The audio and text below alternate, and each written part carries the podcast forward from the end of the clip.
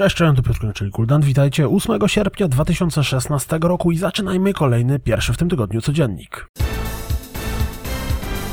Nowy dodatek do World of Warcraft coraz bliżej, więc jeśli czekacie, sprawdźcie ostatnią animację zwiastun, tym razem związaną z Ildianem.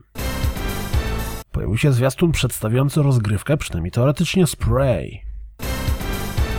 Z kolejnego zwiastunu Mafii 3 poznaliśmy postać Thomasa Burke.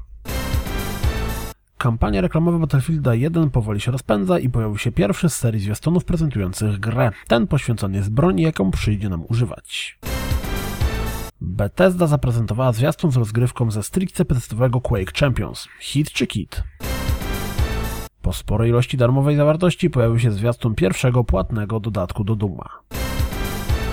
W nowym zwiastunie Blue Rider możemy zobaczyć sporo fragmentów rozgrywki, które dają nam pojęcie z jaką grą mamy do czynienia. Gra od marca jest dostępna na PC, a w sierpniu ma pojawić się na PlayStation 4 i Xbox One. Pojawił się nowy zwiastun tytułu, na który najbardziej w tym roku czeka press Hatsune Miku Project Diva X. Ploty sugerują, że we wrześniu Blizzard zapowie remaster czy też wersję HD pierwszego StarCrafta. Będzie się działo? Epopoi Franco 2 ciąg dalszy. Na fanpage gry odezwali się z długim postem twórcy. Wersja Teldar? Dalej robimy grę i nie czepiajcie się, bo teraz gry robi się po 5-6 lat. No tak. Zbiórka na Pray for the God zakończyła się sukcesem. 500 tysięcy dolarów na 300 tysięcy wymaganych. Overwatch przekroczył 15 milionów użytkowników. XCOM 2 na konsolach zaliczy obsługę i pojawi się dopiero 30 września. Kolejny odcinek przygód Hitmana, tym razem w Bangkoku, pojawi się 16 sierpnia. Niestety potwierdziła się informacja, że No Man's Sky na PC pojawi się dopiero 12 sierpnia. Type Man Revisit, którego wersję na Wii U swego czasu recenzował Cas, zawita również na Steama i to już 15 sierpnia. Trochę czasu minęło od przejścia Evolve na modę free to play i patrząc po statystykach Steama w grę średnio gra około 15 tysięcy graczy, co w porównaniu z około setką graczy w czerwcu robi wrażenie. Ciekawe co dalej. Wiedzieliście, że powstaje karcianka oparta o Bloodborne?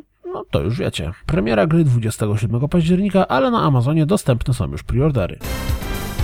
Rzućcie okiem na listę zmian, jakie przyniesie łatka premierowa do No Man's Sky. Robi wrażenie. Lozacki styl wpisów również. Jeśli lubicie czytać o technikaliach, to sprawdźcie, co Naughty Dog powiedziało o technologii, z jakich korzystali przy tworzeniu Uncharted 4. Pojawił się, teoretycznie tylko dla wspierających, fragment rozgrywki z Battletech w fazie Super Pre-Alpha. Po tym co zobaczyłem, będę mocno wypatrywał każdych informacji dotyczących tego tytułu. Czekacie na Sudden Strike 4, to sprawdźcie wywiad z lead programerem gry. Pojawiła się rozmowa z panami z Arkane Studios. Z każdym kolejnym wywiadem i wypowiedzią coraz bardziej nie rozumiem, czemu ta gra nazywa się Prey. Inna sprawa, że gdyby było to nowa IP, to pewnie z automatu okrzyknęlibyśmy ją Dishonored w kosmosie. To wszystko na dziś, jak zawsze. Dziękuję za słuchanie, jak zawsze zapraszam na www.rozgrywkapodcast.pl. Jeśli doceniacie moją pracę, wesprzyjcie mnie na Patronite i mam nadzieję, słyszymy się jutro. Trzymajcie się, cześć!